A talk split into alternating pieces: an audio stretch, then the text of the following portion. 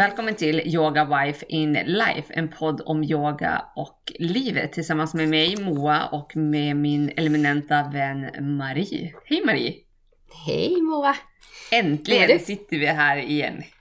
ja, ja, det har tagit ett tag. Jag vet inte riktigt varför. Busy life! Men är det inte så att hösten svischar förbi så extremt fort? Sjukt fort. Jag tror det. Jag vet inte, det är skolan. För oss så blir det så här, skolan ska börja, man ska komma in i det och det är nya lärare, nya eh, rutiner för det. Och sen så drar jobbet igång och allting ska mm. ske. Det blir som en ny start för allt. Mm, så är det. Mm. Men nu är vi här och ska prata om just det och de här nya rivstarterna och hur man tar hand om sig själv. Eller inte tar hand om sig själv, men hur man kan möta sig själv och sina prestationsbehov på ett bättre ja. sätt. Ja. Eh, jag ska faktiskt hålla ett eh, litet föredrag på jobbet här nästa vecka. De största problemen som man har idag och som företagen uppmärksammar mer och mer är ju att eh, folk går in i väggen. Alltså att det är mental ohälsa som är det absolut största orsaken till sjukskrivning. Långtidssjukskrivning i, i Sverige men även i Europa. Det är ett stort problem. Eh, så därför kände jag att ja, vi behöver verkligen prata mer om det här. Men vad kan, vi, vad kan vi göra för att må bättre och varför går folk in i väggen hela tiden? Även unga personer. Och där har vi inspiration från vår väldigt fina vän och yogakollega Jenny Boström. Ja, för hon har ju myntat ett uttryck som heter så jävla tillräcklig. Och på något sätt i en frustration. Eh, eh, jag tycker vi, vi kan väl prata med Jenny lite grann sen. Ja. För första gången kanske vi kan ha med någon annan. Som får berätta. Som får berätta lite grann. Även om vi har sagt att det här ska inte vara något intervjuprogram. För det finns det så många andra bra eh, intervjuprogram. Men vi vill ju åt samtalet och Jenny har så otroligt mycket erfarenhet av eh, överprestera, att eh, ja men just hur, hur tar jag mig ur det här? Och en av de sakerna som har hjälpt henne och det är då en hashtag på internet som man kan kolla på som heter så jävla tillräcklig och den är, ja jag gillar det verkligen. Det, till slut så är det nog bara och då, då, får man, då får man duga som man är. Man behöver inte göra allt perfekt längre för det är ju det mycket utav problemet sitter i. Att vi ska prestera så mycket och vara perfekta i precis allt det vi gör. Tror jag. Vad tror mm. du? Ja, men vi sätter så höga krav på oss själva och det är inte bara på jobbet. Det är på fritidslivet, det är familjelivet, det är i träningen, det är i kosten. Så det är så många delar som ska vara så himla bra, så perfekta och vi måste berätta om det på sociala kanaler många gånger. Alla är inte där, men de flesta lägger upp mycket av sitt liv och av sitt mer perfekta liv på sociala medier. Det är väldigt sällan vi lägger upp skiten, så att säga. När det inte gick som vi hade tänkt oss, när vi sitter och trycker i oss en pizza i vrålhungern för att planeringen av veckan inte riktigt gick som vi ville att det skulle gå. Det är inte de stunderna vi lägger upp, utan det är de här fina gröna salladerna eller när vi har tränat och tagit oss iväg till gymmet. Det är de stunderna vi ofta lägger upp prestationsstunderna. Mm. Vilket det är viktigt för hälsan. Men vad är hälsa egentligen? Ja, så WHO definierar det så här. Ja, nu blev det ju på engelska då. A state of complete physical, mental and social well-being. Not merely the absence of illness or infirmity. Så eh, att man är helt och fullt fysiskt, mentalt och socialt välfungerande Eh, så det handlar liksom inte bara om att inte vara sjuk. Så, och allting påverkar ju såklart varandra. Att om man har en dålig fysisk hälsa så får man ju sämre eh, mental hälsa och socialt välbefinnande. Och andra vägen också såklart. Det sociala är tydligen extremt viktigt för att man som människa ska må bra och bli mer har mer motståndskraft mot till exempel stress.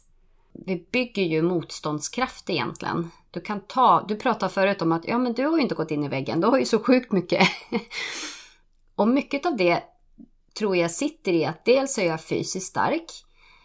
Eh, jag har nära relationer, jag har, jag har folk som, som verkligen stöttar mig. Jag känner mig inte ensam, jag har, jag har ett ganska, inte för stort socialt umgänge, inte jättestort, men däremot de jag har personer där som jag litar på, som vi, jag vet att de finns där. Och då måste vi nog definiera socialt umgänge, att det behöver inte vara att man är en extrem social person som måste känna många människor, utan det är väl ens trygga sfär, vars är ens trygghetsnät. Om man skulle behöva stöd, hjälp eller avlastning av olika slag. Mm. Och även på jobbet är det otroligt viktigt att ha kollegor som man kan prata med, som man kan anförtro sig åt. Och där man inte känner den här... Det finns ju vissa arbetsplatser där man bara sticker varandra i... Petar varandra i sidan hela tiden och sätter dit varandra i princip. Och det, det är otroligt jobbigt för den mentala hälsan. Mm. Och det påverkar då i sin tur den, den, fysiska, den fysiska hälsan också. Jag menar att det ena påverkar det andra och att det, det, är inte bara den fysiska hälsan, vad man äter och så vidare, utan även den mentala hälsan och, och det sociala. Hur man har det i sina relationer. Ofta om man går in i väggen så beror inte det bara på jobbet eller bara på eh, det privata, utan det är en kombination av de båda som gör att det blir overload i systemet. Men mycket av anledningen till att jag kanske inte ännu i alla fall går in i väggen är att jag, jag kan känna när det blir för mycket. Och kan man göra det och sätta ord på det att nu är jag nog på väg in i väggen snart så så är risken inte lika stor att man faktiskt går in i väggen för då bromsar man automatiskt. Det är när man inte känner överhuvudtaget. Man tycker bara att livet är helt fantastiskt och man har jättemycket att göra och det är spännande. Allting är bara mycket men man tror att man klarar det. Men jag gick in i väggen för några år sedan. Mm. Kände du det innan? Ja men det är klart man vet om det, men man lever ju i förnekelse. Mm. Man, man förnekar ja. till förmån för prestation. Att jag mm. ville ju, jag, jag, jag ville göra så mycket på jobbet och så mycket på min fritid. För det ja. var ju när jag jobbade som chef. Mm. Att jag, jag kände mig att jag ska klara av det här. Ingen annan chef innan mig hade lyckats. Och då mm. tänkte jag att ja, men då ska banne mig jag lyckas. Jag har en expertis som nyexaminerad. Jag kommer mm. att fixa det här. Och det var ju bara bullshit. Alltså jag, mm. jag försökte så mycket och tog på mig så mycket att jag blev uppäten från jobbet. Eftersom om, om en chef kommer in och tar över, det är klart att man lä lämnar över uppgifter till den personen. Slipper jag göra det, då kan någon annan göra det. Gud vad härligt. Och jag såg inte den den begränsningen, utan jag var så inne att ja, men, jag måste göra det, annars blir det inte gjort. Mm. Och då tog jag på mig ja, mer och mer och mer och mer och mer och kvaliteten blev sämre och sämre och sämre och sämre och sämre. För jag hann inte, jag glömde bort grejer jag skulle göra så det blev bara dåligt. Mm. Och hur mådde du då? Det var väl mest min man som såg att nej men Moa, du är inte samma människa längre. Du är inte den Moa jag träffade eller ville leva med, utan nu är du en trött Moa, irriterad, arg, ledsen och inte närvarande. Mm. Han märkte att när jag kom hem att jag är inte där, för jag orkade inte. Jag vill bara ha tyst. Jag bara, jag vill inte att någon pratar med mig. Jag vill inte prata om någonting. Och jag tror han sa det på vårt bröllop eller så. För bröllop, vi gifte oss ett halvår efter att jag hade slutat på det här jobbet. Och då har jag för mig att han sa att ja, men du är den enda människan som inte vill att man ska fråga hur din dag har varit. Ja. För att jag vill inte prata om det. För det fanns inga ord, utan jag vill bara vara i min ensamhet och stänga av och stänga ner. Det var mm. min överlevnadsstrategi. Och hur jag stängde av och stängde ner, det var ju genom att fara på yoga. Att undervisa yoga, att ge energi till andra, för att det var där jag fick energi tillbaka. Så på sätt och vis så tror jag att jag överlevde och klarade mig relativt bra för att jag fick energi från annat håll. Mm. För jag upplevde inte att jag fick någon energi från det jobbet. Och det var mycket på grund av att jag övergjorde saker och ting som gjorde att jag inte kunde fokusera på det jag skulle fokusera på. Utan det var för många bollar i luften att allt blev bara pannkaka. Och det är då man börjar må dåligt kanske, när man, inte, när man känner att man inte gör, när det inte blir bra. Mm. Och då försöker man göra mer. Man tror att ja, om, jag, om jag lägger till sjätte växeln som inte finns, då, då kommer det bli bättre. istället för att skala av och skala bort så är det som att man gasar på mer. Mm. Och det var där jag verkligen lärde känna begreppet less is more. Och Vad, vad betyder det? åh, jag älskar det. Det är att göra mindre men att vara fullständigt närvarande i det man gör. Och jag tyckte att du beskrev det så fint med Sofia Silversdotters ord. Ja, en föreläsning som jag var på med henne, Sofia Siversdotter. Det du gör ska vara värt 100% av din uppmärksamhet. Det försöker jag verkligen att applicera många gånger. När det är någonting, just för att det ska bli gjort. Så det är ingen idé att göra saker som jag inte ens vill lägga 100% av min uppmärksamhet på. Då är det bättre att någon annan gör det. Mm. Att dels delegera till någon annan, för vi är inte oumbärliga. Det finns andra Vi vill ju gärna tro det. Ja, ja, ja. Och samma sak, där kommer vi in på föräldraskap. Alltså, jag är ju så beroende av min omgivning, för jag är inte Börjes, jag vill inte vara Börjes enda trygghetskänsla. Jag vill att om, om jag skulle försvinna av någon anledning ska han ha andra människor som han kan lita på, känna sig trygg med, känna sig älskad av.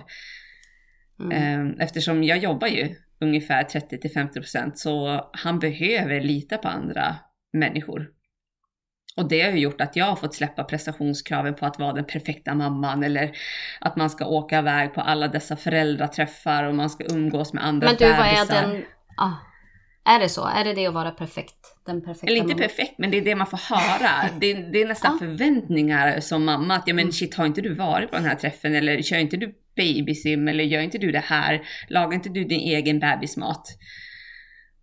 Och så, Mm. och jag bara, nej alltså jag umgås med min son. Det är det absolut viktigaste för mig. Han och jag, närvaro, att jag ser han, hör han, jag delar hans utveckling, vi liksom delar stunder med varandra. Sen det runt omkring, det har jag totalt skalat av.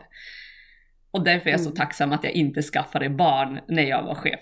För det hade gått åt Ah. helvete, tror jag. Ah, mm. För jag var inte den människa som jag är idag. Nej. Vad är det du har lärt dig sedan dess? Att göra mindre. Att skala av. Att allt behöver inte vara hundraprocentigt. För, Och man kanske inte måste göra allt det nej, precis. som man borde, nu sa jag, tar jag citat, citationstecken i luften, Mm. borde göra. För där som yogalärare och nu har jag haft tur att Börje sover väldigt bra. Det är vissa nätter han sover ganska dåligt och då, då är det som att jag går in i en dimma. Jag är Mm. inte hundraprocentigt där för att jag är för trött för att vara hundraprocentigt där. Men jag är ändå förlikas med att det är okej. För jag går dit, jag gör mitt absolut bästa utifrån den situation jag är i just dag och det är helt okej. Mm. Att tidigare kunde jag känna bara men shit jag levererade inte det de förväntade sig att jag skulle leverera. Jag pratade med en kollega som blev nervös när hennes yoga, de som går på hennes yogaklasser kom och sa att hon var helt fantastisk. Hon bara shit nu, nu förväntar de sig att jag ska vara så himla duktig och så speciell och allting. Och då sa jag till henne att fina du, det bara du dyker upp kommer de älska dig för. Bara du Mm. sitter där i rummet med, för hon har en så fin aura, hela hennes närvaro gör att man ryser och liksom känner sig välkommen och varm och fantastiskt. Jag bara, det spelar ingen roll vad du säger. Bara din närvaro och att du som människa är i det rummet. Det är det som är det viktigaste. Sen det du säger eller det du gör, det är inte lika viktigt. Och så är det ju att folk, folk får ju absolut förväntningar på en. Att ja, men jag förväntar mig att Moa ska ha roliga klasser eller att det ska vara bra musik och sådana grejer. Men eh, de förväntar sig ju inte att man ska vara något man inte är. De gillar ju mig för mig. För att jag är den människa jag är. Mm. Så det handlar om att bli lite mer jordad också. Att inte ta sig vatten över huvudet. För ibland kan, så kan man ju landa, landa där att man, man har fått så mycket positiv feedback att man tror att man är världsbäst. Och sen, ja men jag har varit där, jag bara shit jag är den bästa instruktören på ICSY. Det är ingen som klår mig. och så sen landar vi i att nej men alla är faktiskt olika. Jag har mina Mm. styrkor men jag har definitivt mina svagheter. Så jag är bäst utifrån att vara Moa, men jag är inte bäst utifrån att vara någon annan på ICSY. Nej, och kanske inte för alla. Du kanske är bäst för några. Precis, definitivt. Och där har jag ju blivit så mycket mer ödmjuk med åren. Att jag är inte den bästa yogaläraren för alla människor. Nej. alla människor attraheras inte av min personlighet eller mitt ledarskap eller mitt sätt att lära ut och det är helt okej. Okay. Man kan inte vara älskad av alla. Och det är väl där jag har lärt mig som allra mest. Alla kan inte älska mig. Nej, och man kan vara ganska okej okay med det. Ja. Och det är så skönt när man landar i det. Då är det som att när någon ger mig feedback som kanske gör ont, då kan jag landa i att ja, men det är inte Moa de ger feedback. Det är mitt ledarskap som yogalärare som jag får feedback på. Att liksom det är min roll där. Inte liksom jag som människa eller mitt egenvärde de kritiserar. Nej. Utan det är liksom, nej men jag tyckte, inte, jag tyckte du spelade för hög musik. Det kunde jag ta jättepersonligt. Jag bara Tycker du jag är dålig som människa? Man bara, nej, det, kan du sänka volymen nästa gång? Ungefär. Mm. Så jag tar inte saker lika personligt längre. Skönt.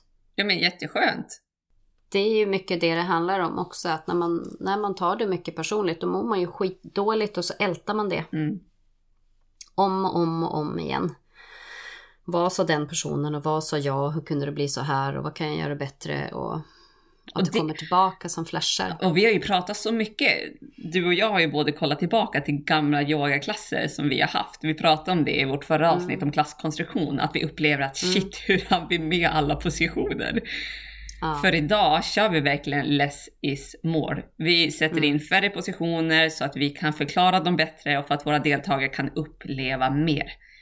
För det är mm. det power of less handlar om. Att vara där hundraprocentigt, dedikera dig fullständigt till det du gör så att du kan uppleva det du gör istället för att hålla på med mobilen när du skriver en uppsats eller för att gå och eh, ta en kaffekopp var tionde minut för att du är uttråkad, för att du inte riktigt är närvarande. Och då får man ingenting gjort heller.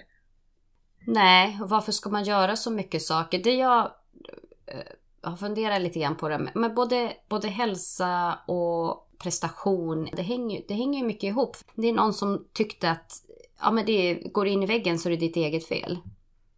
För du måste själv förstå att du inte kan göra alla de här sakerna.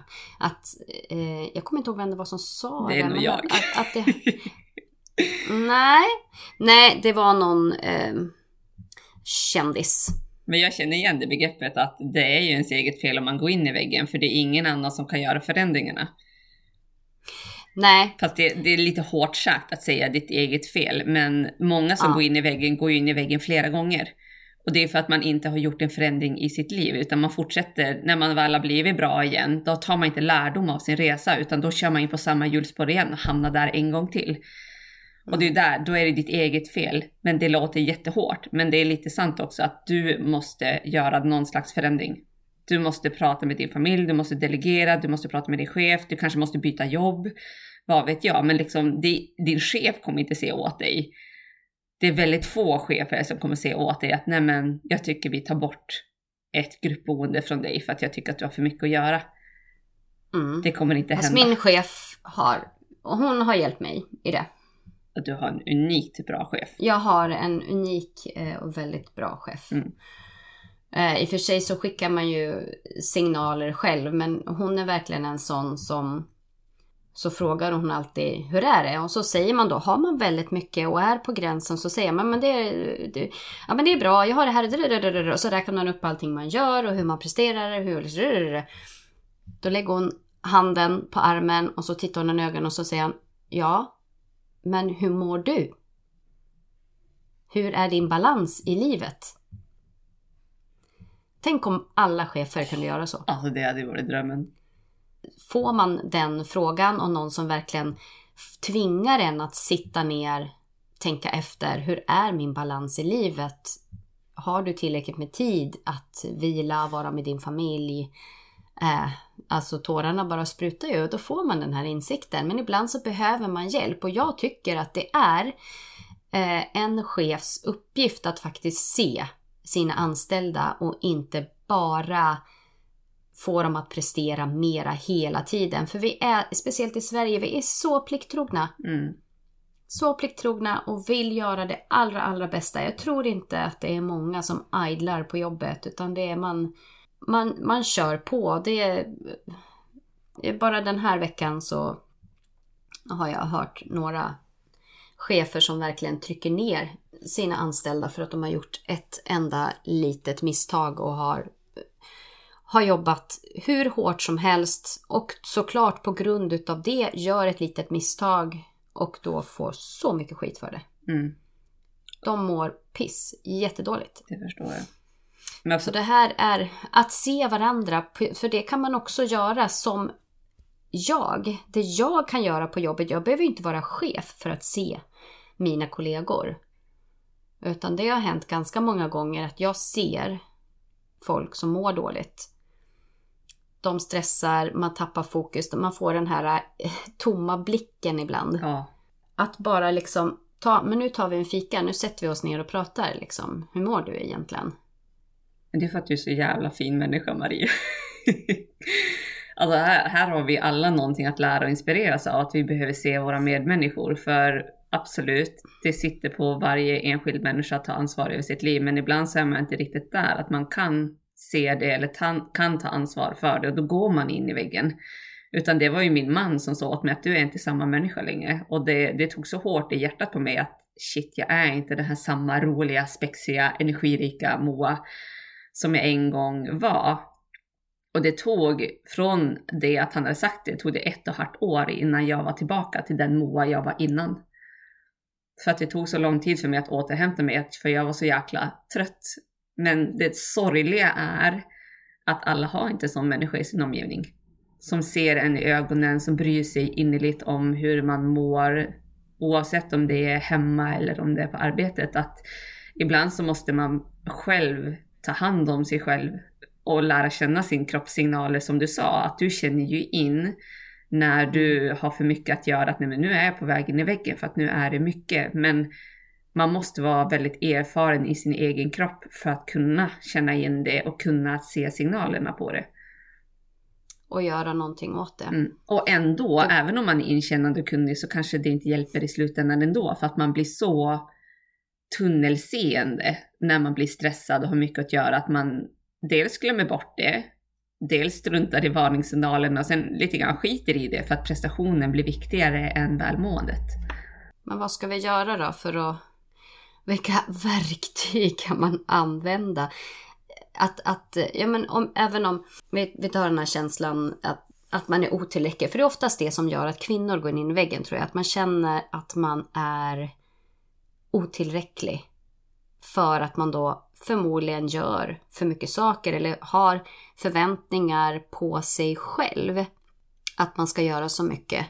För som vi pratade om förut, att det, med forskning, det finns ju så mycket forskning. Ja, men det, du ska motionera så här mycket för att du ska må som bäst. Eh, och då finns det ju en massa olika forskningsrapporter och vissa säger att ja, men du förbättrar din hälsa med supermycket om du bara står istället för att sitta. Andra säger att nej, du måste få upp din puls till det här antalet slag per minut, så här många minuter per dag. Du måste få ditt hjärta att pumpa för att du ska förbättra din hälsa. Någon annan säger någonting helt annat. Så det känns som att man kan aldrig göra rätt, hur mycket man än försöker. Och även med hälsa, alltså med, med mat och sådär. Vad ska man äta? Det finns så mycket olika dieter, så mycket olika forskningsrapporter. Och på något sätt så vet vi ju på ett ungefär vad vi ska göra för att, för att må bra. Inte äta för mycket, äta mera grönsaker och så vidare. Men när man börjar ta ner det till detaljer, också med sociala medier, att man lägger ut till exempel att ja, men jag ska försöka att äta mera grönt eller jag ska sluta äta kött en dag i veckan. Så finns det alltid någon som säger att ja, fast du borde göra så här och så här och så här istället för det är bättre och det säger forskningen och Och jag tror också man måste utgå från sig själv så otroligt mycket. Att liksom, Mm. vad känns rätt i mitt hjärta? Ja, För- för... det finns alltid någon som gör bättre. Det finns alltid någon som är mera expert än du Mm. på just det område du försöker att göra någonting bra. Det, vissa fokuserar ju bara på ett enda smalt område medan som du och jag, vi är mera generalister. Vi försöker att ta in kunskap ganska, ganska brett egentligen. Mm. Men det är klart att det alltid kommer finnas någon som kan sakerna bättre än vi. Och det måste man på något sätt acceptera. Men som jag som har både ett fulltidsjobb inom IT och yogalärare. Jag, jag kan liksom inte... Eh, det finns alltid någon som kan tantra bättre än jag. Det finns alltid någon som kan anatomi bättre än jag. Det finns alltid någon som kan eh, utveckla eller någon viss typ av eh, teknik bättre än jag. Självklart finns det det. Och där tror jag man måste landa i att vi behöver inte alltid jämföra oss med andra människor, för det gör ju att man känner sig sänkt. Mm. Att, ja men oj, hon har mycket finare gräsmatta än vad jag har, eller han har en snyggare bil än vad jag har. Man bara, men less is more. Alltså landa i ditt egna, i din kärna, i det, i det du brinner för, i det du har ditt hjärta för. Att det spelar ingen roll vad alla andra människor gör om du mår piss. Alltså du måste gå tillbaka till dig själv. Vad mår jag bra av? Vad, vad är jag intresserad av? Vad vill jag göra? Till exempel när det kommer till träning, att vissa älskar spinning, men andra älskar promenader. Vissa är triathlonlöpare, andra är något annat istället. Men man måste vända sig till sig själv. Vad tycker jag är kul? För det måste ju också vara roligt att röra på kroppen. Det måste vara roligt att eh, jobba med mat om man nu vill eh, fokusera mer på det. Man måste gå tillbaka till sig själv och göra mindre. Inom hälsans värld så har det ju kommit väldigt mycket flashiga recept och det är massa nya ingredienser och man behöver få till specialbutiker för att köpa dessa mm. ingredienser. Man bara nej, alltså en omelett med en spenatsallad fungerar lika bra. Ibland. Alltså det behöver inte vara det flashigaste med hundra ingredienser i den här rätten för att få de perfekta smakerna. För att jag är så ointresserad av att laga mat. Jag tycker det är så tråkigt. Min man kallar mig för tre ingredienser Moa. Ja, så jag kör typ benpasta, pesto och halloumi. Det är typ min paradrätt. Och när jag var gravid och mådde skitdåligt och ville inte äta någonting, då var det korv, stuvade makaroner och ketchup. Ja men fy! Så jag landar på tre ingredienser och sen är jag nöjd. ja. Inte tre men ingredienser, grejen... tre delar är väl kanske mer sanning. Ja, ja, ja. ja. Mm. Men, eh, nej men det är lite grann det här också att om man känner att man har så mycket att det, det aldrig går att vara perfekt. För det finns alltid någon som är bättre och kan mer och kanske till och med propsar på och liksom tycker att ja, men du ska göra så här för då kommer livet att mycket bli, bli mycket bättre. Så, så kanske man ger upp. Att man bara, nej, vet du vad? Då tänker jag sitta i soffan och titta på Netflix och trycka ostbågar hela kvällen. För jag tänker inte göra, åka och köpa de där jäkla ingredienserna eller stå i tre timmar och göra någon gryta. Så hellre då att man, nej jag tänker inte göra det här, det som är absolut bäst enligt eh, all forskning eller vad alla andra säger, utan jag tänker göra good enough. Det, det här det här är bra. Bönpasta, bra. Spenat, jättebra. Alltså det, det får duga. Det är helt okej. Okay. Man måste inte göra allt det där superflashiga för att kunna lägga upp på Instagram att kolla vad duktig jag var. Mm. Och jag har problem med duktighetsordet. Jag har sådana extrema problem. Jag får ju höra hur duktig jag är som jobbar även fast min son är så liten. Ah. Och jag bara, det är inte duktig, det är ett val. Det handlar inte om att jag är bättre än någon annan. Det handlar inte om den delen. Det handlar om att jag har valt att jobba för att jag älskar att jobba med det jag gör, men också är väldigt plikttrogen, den här plikttrogna svensken. Att jag ville fortsätta med min i trimgrupp hela året och inte bara vara med de första månaderna och sen släppa dem lös. Och samma mm. sak att jag måste med mitt företag vara kvar i företaget och jobba på yogastudion för annars så kommer inte mina kunder att komma tillbaka sen för att de hittar andra att gå för. Och, är det så? Ja, ja, herregud. Alltså om, om, om min frisör försvinner i två år, då måste jag hitta en ny frisör. Ja, det är sant. Sen kanske jag kommer tillbaka till den frisören, men då kanske den nya frisören var så bra att jag mm. inte vill gå tillbaka. Alltså folk är ju vanemänniskor. Mm. Det är ja, lite grann det. Mm. ibland så, det är snarare det. Ja, det är nog det. Eh, så. Men att jag vill fortsätta att möta mina deltagare och fortsätta driva mitt företag. För jag har hört så många jurister exempelvis, för det är också mycket personliga relationer, att vara de borta ett år, då har de inget jobb när de kommer tillbaka för att alla nya kunder är någon annanstans. Mm, det är sant. Så det handlar inte om duktighet, det handlar dels om plikttrogenhet och att för att mitt företag ska fortsätta leva även när min son är lite större så behöver jag vara kvar i företaget. Och jag älskar det. Jag älskar att jobba med det, men jag har också fått släppa prestationerna så extremt mycket för att klara av balansen att vara förälder och småbarnsförälder och att jobba samtidigt. Men sen säger du också att när du har varit iväg och jobbat, när du kommer tillbaka sen, så är du ännu mer närvarande med din son. Mm. För att du då har varit borta och fått en liten paus ifrån det. Det kan man också behöva. Ja gud, alltså han har varit så grinig den här veckan. Alltså han har bara skrikit och varit klängig och liksom det går ju bra en period sådär. Men sen behöver man få andrum och liksom få sin kropp för sig själv. För att få energi att ge. För jag får ju så mycket energi av mina deltagare och de är så härliga och nyfikna och supersköna att umgås med. Så när jag kommer tillbaka till Börje har jag ju en sån explosion av energi att ge till han. I jämförelse med om jag haft han en hel dag, då kan jag bara vara helt slutkörd på kvällen och bara vilja vara i min egna bubbla. Och då är jag inte hundraprocentigt där.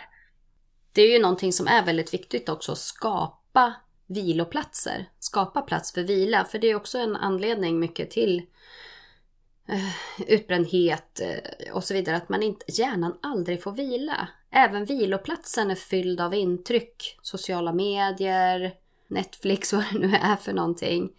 Just den här variationen och hitta ställen där hjärnan faktiskt får vila. Och lära känna sina tecken.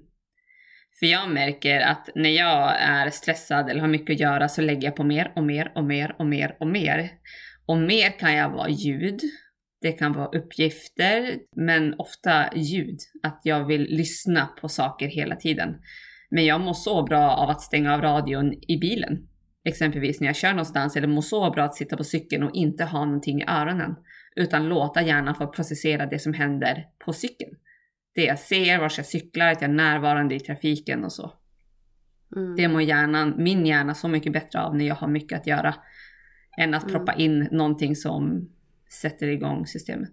Men där har jag lärt känna min kropp att det, det är det jag behöver när det är mycket för att jag ska orka med.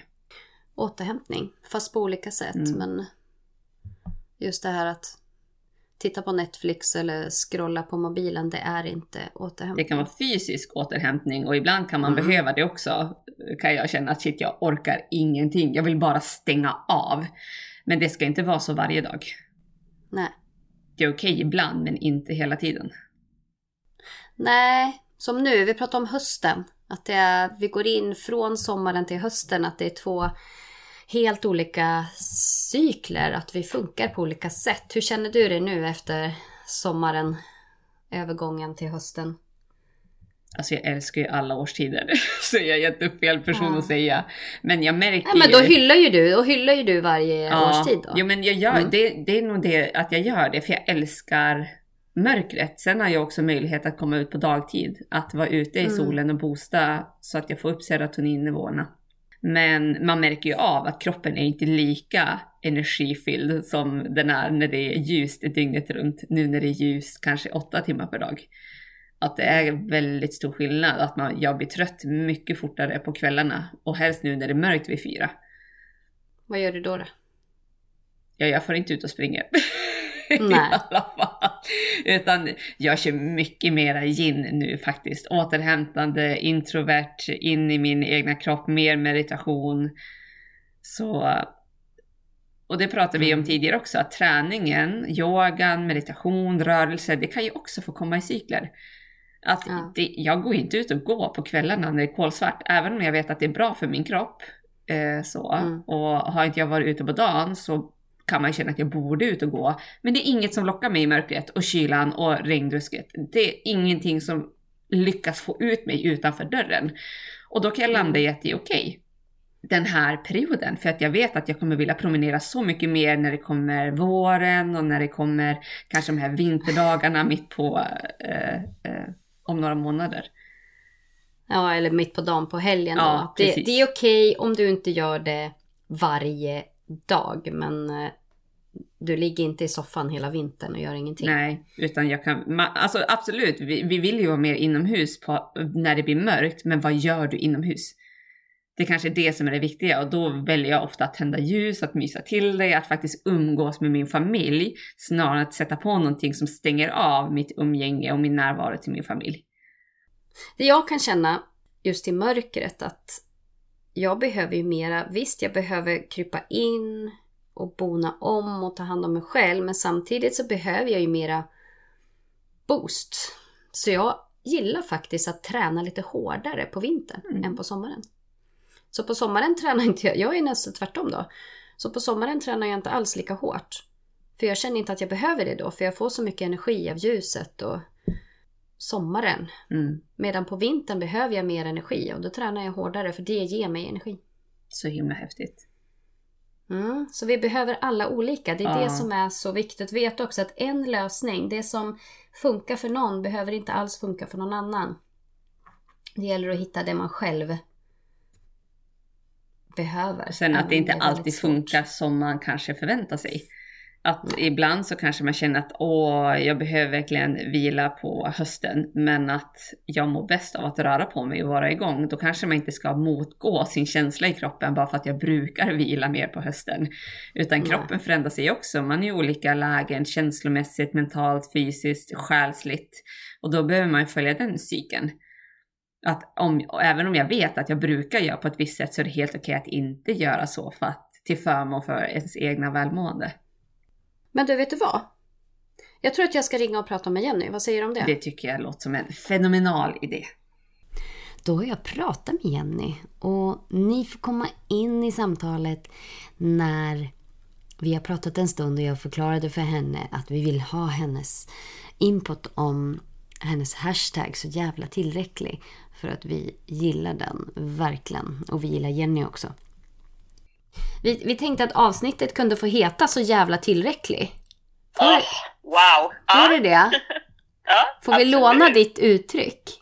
Det får ni gärna. Ja, men du, kan inte ja. du berätta vad, vad...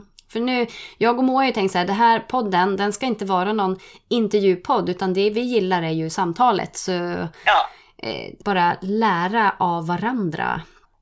Jag har väl yogat med det, inte super, men ganska mycket ändå. Ja, det tycker jag. Lite jag dykt upp lite då och då. Ja. Lite då och då dyker jag upp för jag, jag tycker verkligen om dina klasser. Det är Åh. så supermysigt för att jag sa det att du är nog en av de mest autentiska lärarna som jag känner.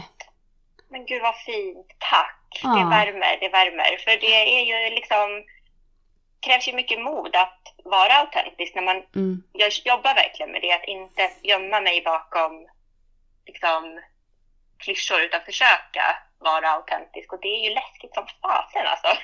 Ja. Men också härligt. Så jag blir mm. jätteglad att, att du uppskattar det. Ja. Det är nog det som gör att vi blir hållbara som yogalärare också. Att man faktiskt inte försöker vara någonting annat man egentligen är. Utan det är bara genom att vara autentisk som man kan hålla. Eller vad, vad tror du? Vad tycker du? Men jag, ja, jag håller verkligen med. Och jag tror också att, att det känns så väl ut till deltagarna också. Och, och att, att man liksom kan få vara skör och sårbar även som yogalärare. Det kan få bli fel ibland på klassen, man kan säga fel eller vad nu fel är, men du förstår vad jag menar. Mm. Liksom att det kommer ut någon groda eller, eller man kan få rösten kanske brister för att man pratar om någonting som är skört eller mm. eh, att, att man liksom kan dela från där man är och då blir det ju också, tror jag, en mer kärleksfull och läkande upplevelse för de som kommer också. Mm. Än att man sitter där och är den inom citattecken perfekta yogin liksom, som aldrig har några, några issues. Det ja. är inte så intressant heller för deltagarna tror jag. Nej, och vad är perfekt egentligen? Det är den här perfektionismen. Ja. Har du känt exakt. dig sådär prestations, äh, även inom yogan, att du ska prestera på något speciellt sätt och så? Oh ja, mm. jättemycket. Först trodde jag att jag var tvungen att kunna stå på händer för att ens få bli yogalärare. Mm. Så att, eh, det, det, var ju helt bisarrt. Men det var ju också en resa och inse att det har ju inte ett dugg med, lite med position att göra självklart. Du, du måste ju veta vad du gör, men det har ju inte med, med det att göra eh, så. Och, eh, jag har känt och känner fortfarande mycket prestation och har ju jättemycket klivit av. Eh, har ju bara några klasser i veckan nu. Mm. Eh, för att jag kände att det blev liksom för mycket och för jag har krav på mig själv och på mina klasser eh, att det ska vara givande och, och, då går det liksom inte att köra dem på löpande band märkte jag för mig. Nej. Det beror ju på hur man är. Så att jag kör bara några klasser i veckan nu och har märkt att jag tycker det är jättekul med mera så här, temaklasser som dyker upp någon gång i månaden som är lite längre och kör mycket sådana Mm. eh, workshop-serier mer och sådär där jag känner att jag liksom har tid att landa emellan och, och inte känner att jag måste till på tisdag klockan fem ha kommit på någonting Nej. bra. Liksom. Och det ligger ju såklart jättemycket hos mig, men för mig har det varit jätteskönt att liksom backa lite och jag jobbar ju hela tiden med att släppa min prestation och min perfekt, liksom det här att behöva vara perfekt och så att allt Mm. jag skriver och det här med så jävla tillräcklig eller allt jag säger till mina klasser, det är ju liksom sånt som jag själv jobbar med hela tiden. Mm. Hur kom du på det? Den hashtaggen, Ja. Eh, Jag vet inte. Jag, jag, den bilden som jag gjorde till den hashtaggen var ju en bild på mig själv i baddräkt. Eh, Ah. där jag liksom, nu får det fasiken vara nog med att klanka ner på mig själv och hur jag ser ut och vem jag är och hur jag ska räcka till. Och, så jag vet inte riktigt var den kom. Den bara... Eh, jag minns, det här var ju 2016 tror jag Ja.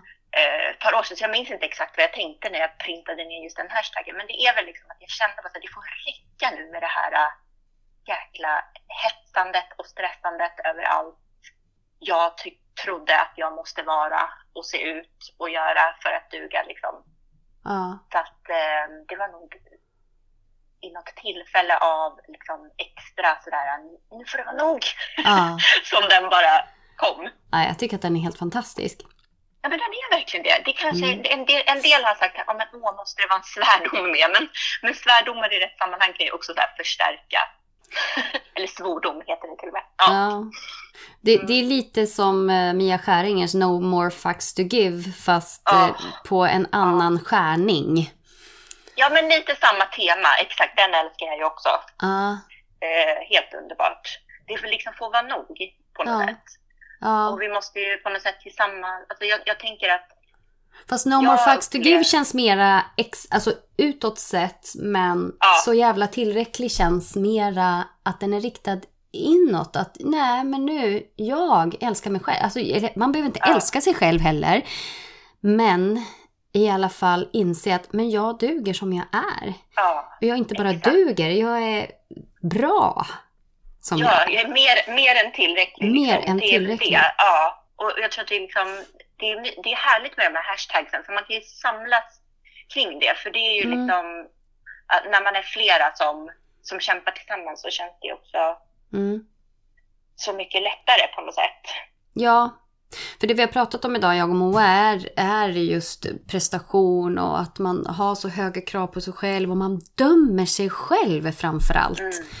Mm. Det är just Mm. kvinnor, att det är kvinnor, vad var det, de här sjukskrivningstalen har gått upp med 356 procent sedan 2014. Eller Det är något sånt här helt sjukt. Det är helt sjukt. Det är ju liksom, det är något general, generalfel i hela systemet Mm. på något sätt. Att vi ska behöva pressa oss själva till Ja men vem är det som Till- pressar ja. oss? Alltså det är det. Vem, Ja. vad, gick du in i vägg, alltså hur kände, vad, har Ja, du varit precis. Ja, det har jag när jag var 20 faktiskt. Ah, när jag var ung. jätteung. Mm, precis. Och på den tiden, jag är ju, fyller 40 nästa år, så det är nästan 20 år sedan. Mm. Eh, och då var det liksom, jag hade i alla fall inte jättestor erfarenhet av andra runt omkring mig som var utbrända och jag tror inte heller att det var, jag fick inte så mycket hjälp helt enkelt utan var liksom Mm. lilla gumman Mm. jag hade inte konkreta självmordsplaner, men jag kommer ihåg att jag låg och tänkte så här, vad skönt det skulle vara att bara få liksom försvinna. Det skulle Mm. vara så mycket enklare. Och det berättar jag ju för läkare och psykologer, men de tyckte fortfarande inte att jag var tillräckligt sjuk för att få hjälp. Åh, Utan, ja men det är helt galet. Jag tror jag det faktiskt skulle, Mm. ja, det skulle inte hända idag. Så jag Mm. låg ju liksom under täcket i ett halvår och bara så här, och jag vet att jag läste så här högar av självhjälpsböcker och det var Mm. liksom där någonstans den här spirituella resan började också på något sätt, självläkarresan. Mm. eller självläkningsresan. Och um, men sen har jag ju haft det med mig hela livet. Jag fick ju lära mig att säga nej. Det var ju liksom det. Jag sa ju ja till allt för att ja. annars så kanske någon skulle bli arg. Då skulle jag ju inte vara tillräcklig och ja, du vet. Ja, eller man kanske skulle missa under... något. Eh, ja, exakt. Man kanske skulle missa något. Men det var, det var mm. mer liksom det här, tänk om någon blir besviken. Aha, okay. Den, mm. den grejen liksom, att jag måste ju ställa upp och sådär. Men fick jag lära mig att säga nej och så sa jag ju nej till för mycket under en jättelång period. För jag blev mm. ju rädd att om jag säger ja så kanske jag blir så där trött igen. Och så, ja. så det har verkligen varit en jättelång resa och det sitter ju där på axeln jämt. Den här, äh, och jag förstår ju nu i efterhand att den utmattningsdepressionen var ju liksom en följd av det här att man hela tiden, eller jag hela tiden känner ett behov av att vara det där lilla extra och prestera och ställa upp och finnas mm. till och eh, sådär. Och den sitter ju där på på axeln. Liksom. Ja. Eh, hela tiden. Och när man har familj, jag har ju två barn och sambo, att man ska liksom duga till dem och man ska duga, hinna med och finnas till. Det, det sitter där hela tiden och det där dåliga samvetet när jag säger nej. Mm. Det är det jag kämpar mot hela tiden. Ja. Och alla säger till mig, du är så bra på att säga nej. Ja, jo men det är jag, men det är också liksom ett val jag hela tiden tar och en kamp jag hela tiden för ja. i mig själv jag bestämde mig också för, det var ju, var det fyra år sedan, fem år sedan till och med. Åh gud, tiden går så fort, jag vet inte ens när det var. Men jag var på något retreat och bestämde mig för att den här nya vanan att sluta ha dåligt samvete över beslut jag tar. För det är ju, okay, du kan vara bra, du kan bli bra på att säga nej. Men du ska också må bra över ditt beslut. Du, Exakt. Har jag extremt dåligt samvete över att jag bestämde mig för att gå på den här kursen eller yogaklassen eller ta det här jobbet vad det nu är som gör att jag inte kan vara hemma med min familj och ha dåligt samvete över att de är hemma ensamma eller vad det nu är för mm. någonting mm. Mm. så blir det mm. inte bra. Nej, då hade man lika bra kunnat stanna hemma. Ja. eller hur? Det, Exakt. För då njuter du ju inte av där du är. Nej. nej jag håller med, verkligen. Så att, Den stora eh... utmaningen är inte att lära sig säga nej utan det är att hantera det som kommer av att du säger nej? Verkligen, verkligen, verkligen, verkligen. Och där är ju yogan en jättebra, ett jättebra redskap. Ja. Verkligen. Hur har det hjälpt dig? Och, vad ska jag säga? Det är så, ja. du vet ju, det är så stort. Ja. Men det, det är väl den där känslan av att på yogamattan så duger man. Där är liksom allt okej. Okay. Med, rätt, med rätt lärare och med rätt liksom, förutsättningar. För det finns ju också, tycker jag, en stor del i yogavärlden där det är mycket prestation inom yogan. Mm, absolut. Också. Så, så det har jag liksom aktivt försökt vända mig ifrån och, hit, och mer vända mig till den, den och de som jag känner att, att jag får känna mig accepterad precis som jag är eh, och känna att jag duger. Och, och alla redskap som yogan bjuder på. Det är, liksom, det är svårt att säga exakt vad, men det är liksom som en den här verktygslådan leder ju till att du tycker mer om dig själv, att du känner mer att du duger. Mm. Eh, att du blir mer, att du kommer ut ur huvudet och in i kroppen. Liksom. Ja. Det bara händer då. Mm. När man liksom gör det. Så efter ett tag så, så läks det ju. Ja, det, det, handlar om att ta det som händer på matta. Men det är det som är så magiskt med yogan på något sätt. du behöver inte ens förklara det. Det bara det bara händer. Ja, det är ju det. Du måste liksom överlämna dig och sen händer det. Ja. Och sen kan det ju såklart komma liksom bumps on the road. Att, mm. I alla fall för mig, att jag faller tillbaks ibland. Eh, men det är också mänskligt på något sätt. Man är mm. ju den man är. Och man har sin, sitt bagage och sin, sitt psyke och mm. sina känslor. Och, men då finns ju yogan där som en liten sån här ska man säga, airbag liksom, som man kan studsa emot. Ah, ja men precis, ja. Jag brukar säga, folk undrar men hur, hur hinner du, hur klarar du det där och, och mm. att du inte går in i väggen. Ja men fast yogan är ju en pys, det är en pysventil ja. eh, och den kan jag plocka med mig. De verktyg som jag lär mig där kan jag plocka med mig in i verkliga livet så att säga. Mm. Och, ta emot, ja. Ta emot skit. Eh, är, får jag lite skit av någon så kan jag faktiskt ta emot det och egentligen se igenom var det, var det kommer ifrån. Ja. Från vilket ställe det kommer. Och det kan man nog inte om man det inte kanske har de oftast handlar verktygen. om den personen som det kommer ifrån och inte om dig. Liksom. Ja, exakt. Mm. Men har man inte de verktygen så är det ju svårt att komma dit. Men det är klart att man kan få de verktygen genom andra sätt än yoga. Även om vårt sätt är yoga. Ja, men Mm. exakt. Och Ibland har jag känt att jag kanske inte ens vill kalla det för yoga. Det handlar väl på något sätt om att bara så här connecta tillbaka till sin kärna, till den man Mm. är när ingenting annat stör, när ingen annans åsikter spelar in, när inget annat pockar på, när man, när man är där med sig själv. Liksom. Att ta sig tillbaka till det regelbundet, Mm. Fast, eh, till den här äktheten som ligger där långt inne i sig själv. det är väl så mycket yoga det kan Ja. bli. Jo men exakt, Ja. jo jag förstår vad du menar. Precis. Det, måste, det kan ju också vara mindfulness eller medveten närvaro. Det hänger ju ihop alltihopa. Ja. Liksom. Det gör ju det. Eh, ja, Nej, men det är ju väl det som, som gör att man klarar av det yttre trycket sen. Och jag tror också att det är viktigt att hitta en balans mellan, vad ska man säga, det övriga livet och yogan. Att, Ja. Att acceptera att man, i alla fall inte jag som är en vanlig kvinna, mamma i en vanlig förort, jag kan inte lägga flera timmar om dagen på min yogamatta. Nej. Och det var också liksom en resa att acceptera det, att jag får hitta mitt sätt. Mm. Eh, Det kan vara fem minuter här, fem minuter där och ett par gånger i veckan en längre stund. Liksom. Och det, det får räcka. Ja, för annars blir ju det också prestation. Att det, det ska Ja. också vara någonting Ja. som ska passa in i schemat. Visst, Ja. gör plats för det för att det är viktigt. Men vad är viktigt för mig? Det är det jag Ja. måste komma fram till. Och vad får jag då prioritera bort? Precis, för det blir ju ändå så att, att man får hela tiden göra val med sin Mm. tid eh, och Mm. sin energi. Och så att det inte blir en stress. Gud, vad har inte jag hunnit yoga idag? Då Hjälp. är, då, nej, men då, Dålig då människa, dålig människa. Jag är dålig människa och då duger jag inte som yogalärare. Nej. Och sådana där saker har jag brottats mycket med. Liksom, att, Ja. nej men stopp här nu. Mm. Man hejdar sig själv. Vänta, Mm. stopp, stopp, stopp, stopp, stopp. Gör det på ditt sätt. Mm. Och alla, alla gör det på sitt sätt. För en del kanske det är två timmar om dagen och det funkar jättebra i deras liv. Och det är ju bara att, åh, grattis, det funkar för dig. Ja. Eh, och för någon annan så är det på något annat sätt. Det viktiga är att man hittar sitt sätt att återigen här, connecta tillbaka till sig själv så att man kan stå emot alla dessa åsikter kring hur man ska vara och vad man ska göra för att duga. ja, men helt fantastiskt. Ja, men eh, så inspirerande, Jenny. Detsamma, detsamma. Vi inspirerar varandra. Ja, det Ta är ju hand om varandra ute i cyberspace och i verkliga livet. Ja. Se Mm. oss själva och varandra. Exakt. Det är supertack. Jättekul att Det du ville vara med. en ära att få vara med i er fina podd. Ja, tack. Men du, ha en underbar dag så hörs vi av senare. Ja, det gör vi. Ja, kram. Hej då. Hej! Och då kommer vi tillbaka till Moa. Hej Moa.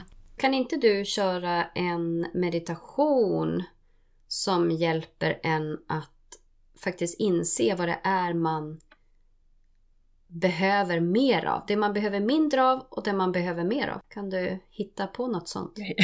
Jag hittar på något sånt. Definitivt. Men du, då hörs vi nästa gång. Ja men det gör vi. Ja. Ha det fint. Hej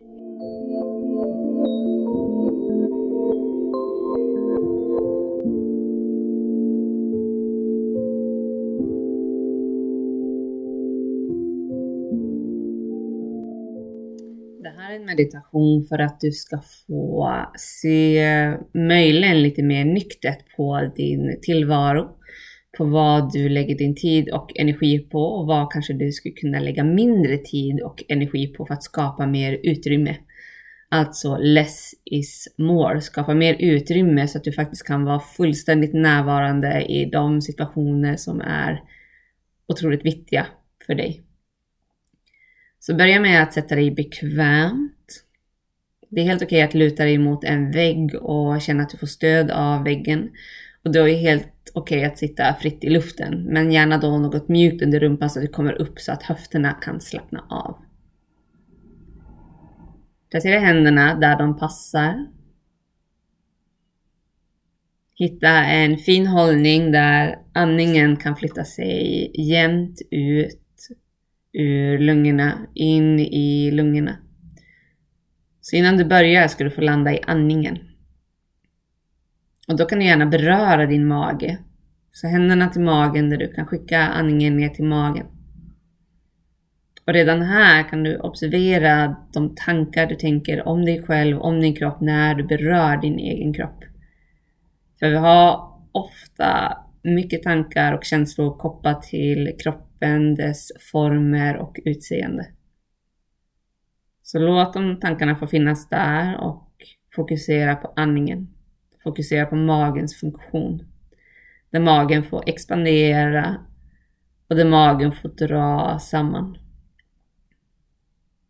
Så för att vi ska kunna praktisera less is more behöver vi en ganska seg och långsam andning.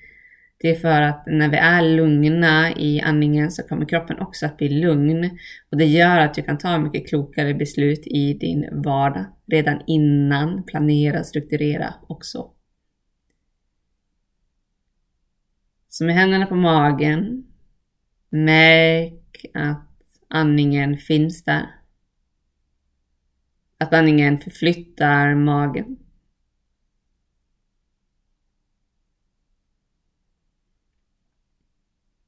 Kanske de där tankarna förändras och blir något annat så småningom. Att de tankar som dök upp i början har försvunnit eller så finns de kvar. Finns de kvar så kan du tänka dig att det är som en radio som spelas där i bakgrunden, att du successivt sänker volymen på denna radio.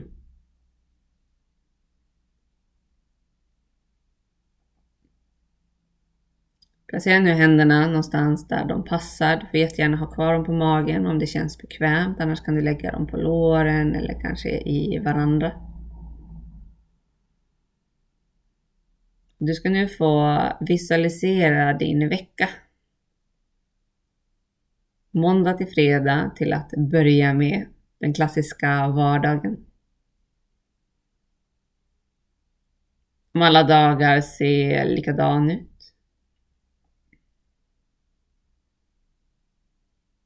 vad du gör direkt på morgonen.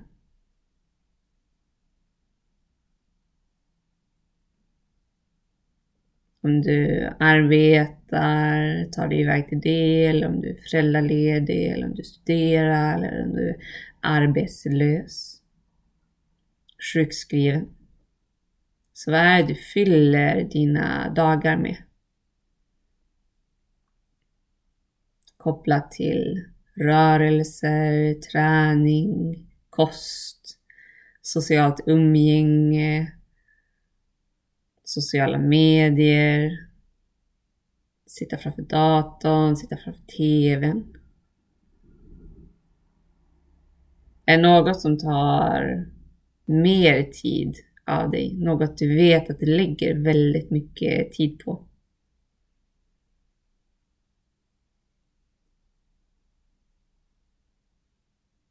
Är det någon slags prestation kopplat till det du lägger denna tid på?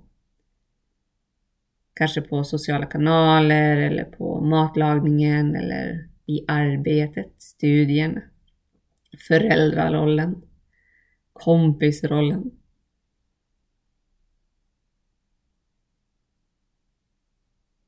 hur brukar det se ut på eftermiddagarna och kvällarna?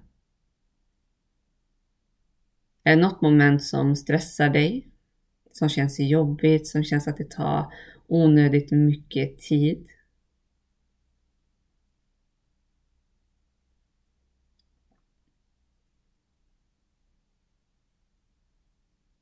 Gå nu in till helgen där du kan börja på fredagen, gå vidare till lördagen och söndagen. Observera hur dessa månader känns, kanske främst lördag och söndag. Vad är det du gör där direkt på morgonen när du vaknar? Vad är din morgonrutin? Och vad gör du sen under dina helger? Vad är det du fyller dagarna med? Är det här du får din återhämtning eller är det någon annan tid i veckan?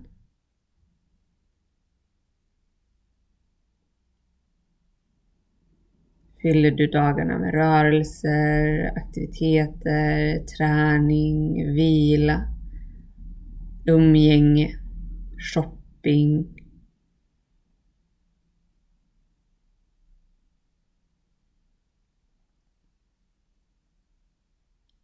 Nu när du har gått igenom den veckan som du kanske har eller brukar ha ska du få gå tillbaka till måndag till fredag. Du ska få börja visualisera den vecka du faktiskt skulle vilja ha. Vilket, vad önskar du att dina veckor såg ut som? Hur önskar du att du startade din måndag?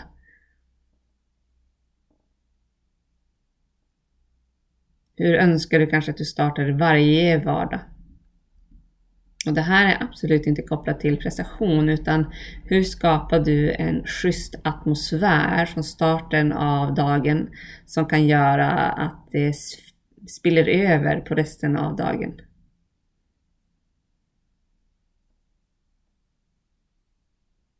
Är det någonting du behöver skala av? Något moment som är oviktigt? Eller kanske någonting du behöver tillföra för att få den där extra guldkanten. Kanske att sitta ner med din kopp kaffe och verkligen njuta av den koppen i fem minuter. Lukta på kaffet, verkligen suga åt dig alla aromer eller din tekopp. Bara sitta där med din varma dryck och njuta av den fullständigt för att verkligen tuna in till dagen som kommer. Eller är det något annat moment som du kan plocka in? Så hur kan du göra mindre på morgonen men ändå få ut mer av morgonen? Kan det vara att planera dagen innan, att förbereda mat eller eh, packade väskor.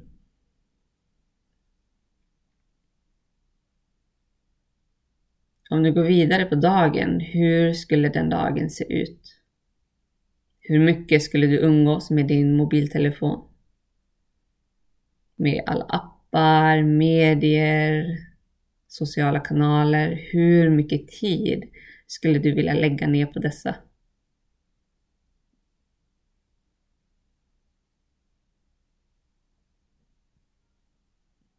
Och när det kommer till det du gör på dagen, dina möten, arbetsuppgifter, aktiviteter. Är det någonting du skulle kunna skala bort? Någonting som egentligen är oviktigt?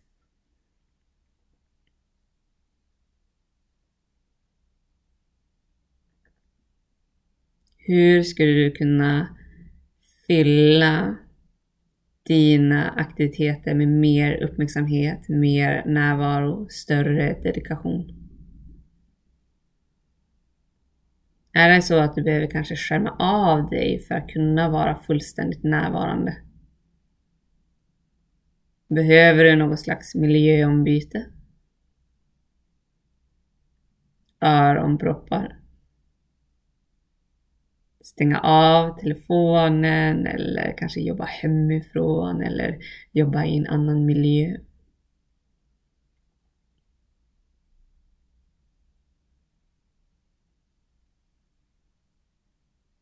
Och sen på kvällen och eftermiddagen. Hur skulle du vilja att dessa ser ut den kommande månaden?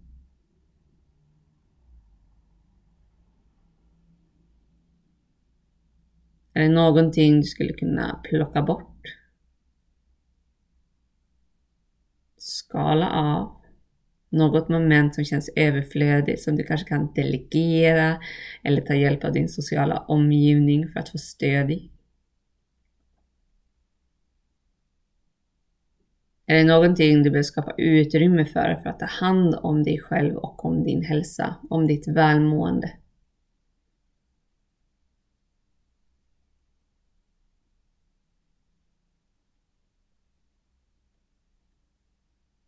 Gå nu vidare till helgen, fredag, lördag, söndag.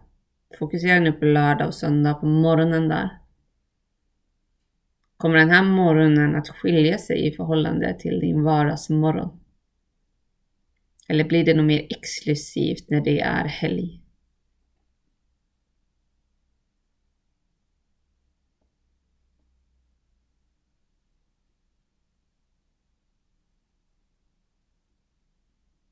Är det något moment du vill lägga mer tid på? Något moment du vill lägga mindre tid på?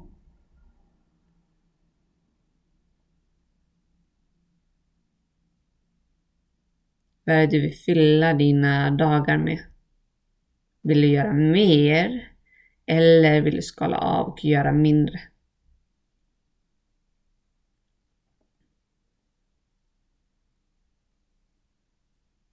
Och är det här du återhämtar dig eller är det i vardagen du återhämtar dig? Vars fyller du på?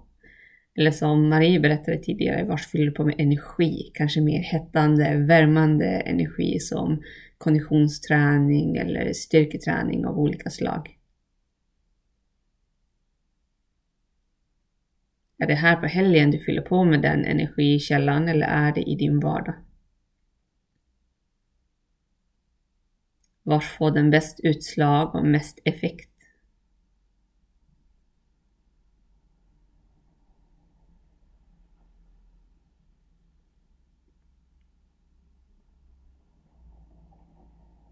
När du kollar tillbaka på den här önskade veckan, den veckan som du skulle vilja landa i. Vilka är de tre största förändringarna du har gjort då? Vilka är de tre viktigaste besluten du har tagit för att den här veckan ska möjligtvis kunna bli av i framtiden? Behöver du stöd från din omgivning? Behöver du själv avskärma, skala av av någonting? Eller behöver du tillföra någonting?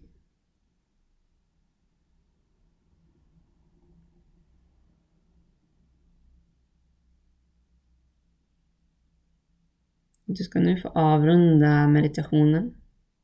Den här meditationen var menat för att så ett litet frö inom dig hur din vecka ser ut och hur en framtida vecka möjligen skulle kunna se ut. Och det viktigaste för att ta sig dit är att börja visualisera den bilden, börja se vars är det du vill komma och hur skulle du kunna komma dit genom att kanske främst skala av genom att främst göra mindre så att du kan uppleva mer och vara mer i de stunder som du upplever är allra viktigast. Lycka till!